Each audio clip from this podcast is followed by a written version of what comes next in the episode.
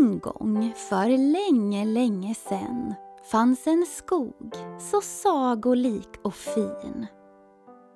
I skogens sjö bodde bläckfisken Bodil Hultin. Hon var stor som ett hus, men hennes ögon var små. I sagan du nu ska få höra händer spännande saker som inte alls är hittepå. Pappa Troll satt och skrev i sin dagbok när pennan plötsligt slutade att fungera.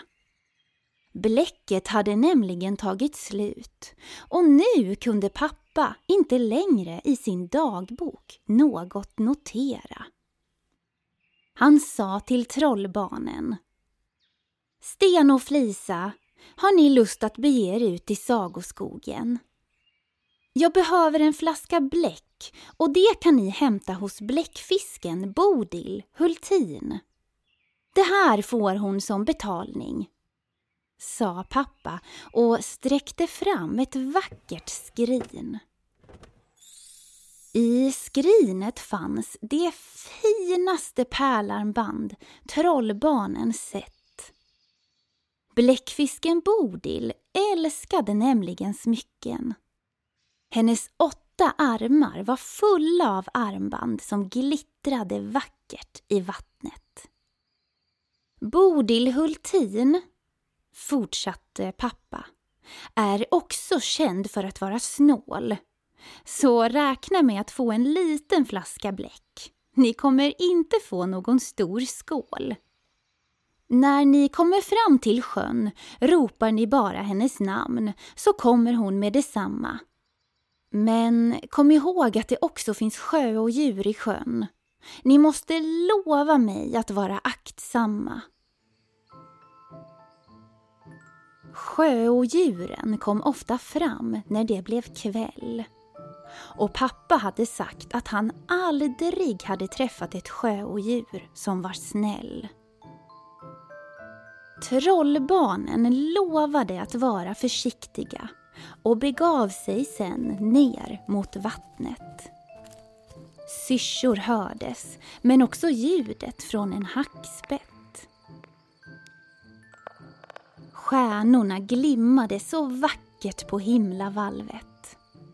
Och där uppe syntes också på sin kvast häxan Harriet.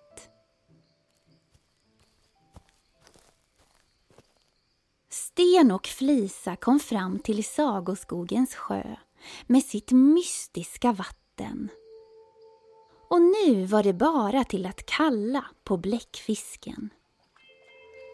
Trollbarnen tog i och ropade på Bodil Hultin. Men ingen bläckfisk syntes till.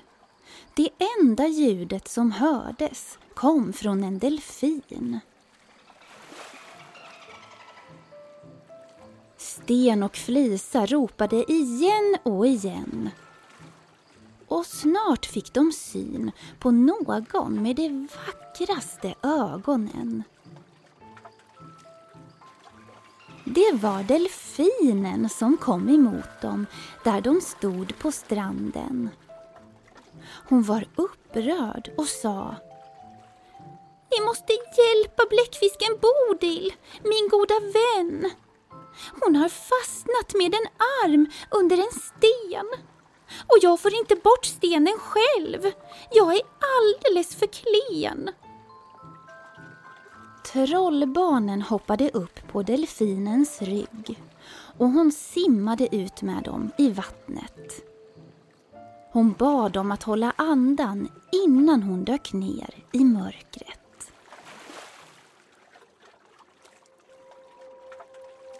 Snart fick trollbarnen syn på den gigantiska bläckfisken. Och de såg snart armen som var fast under stenen.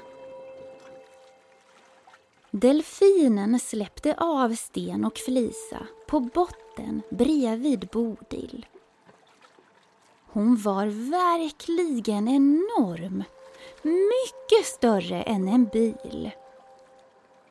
Trollbarnen såg att hon hade ont och började att knuffa på stenen. Och efter en liten stund fick de bort den.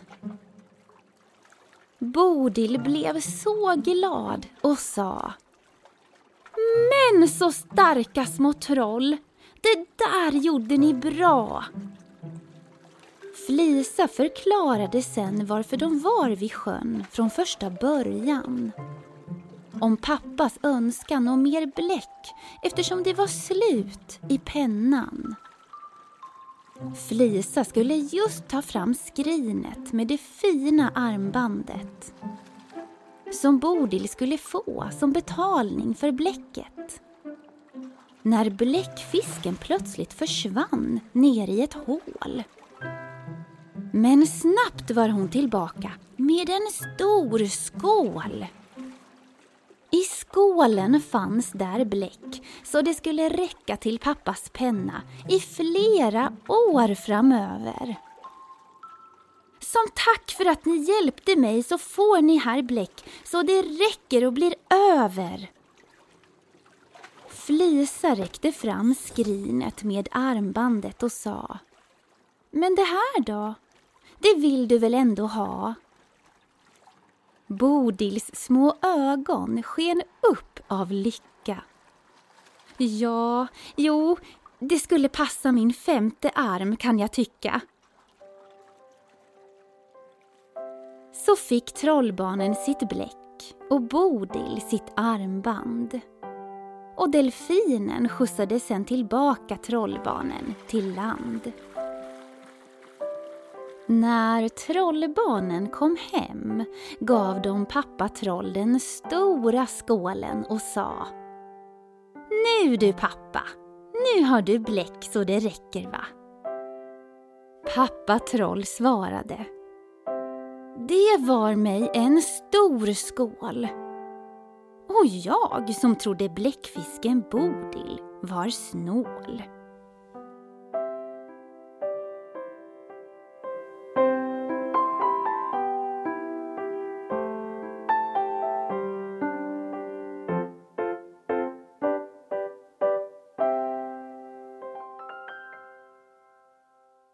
Ni har lyssnat på Sagoskogen. Skriven och producerad av Johanna Blomgren och Henrik Nordgren.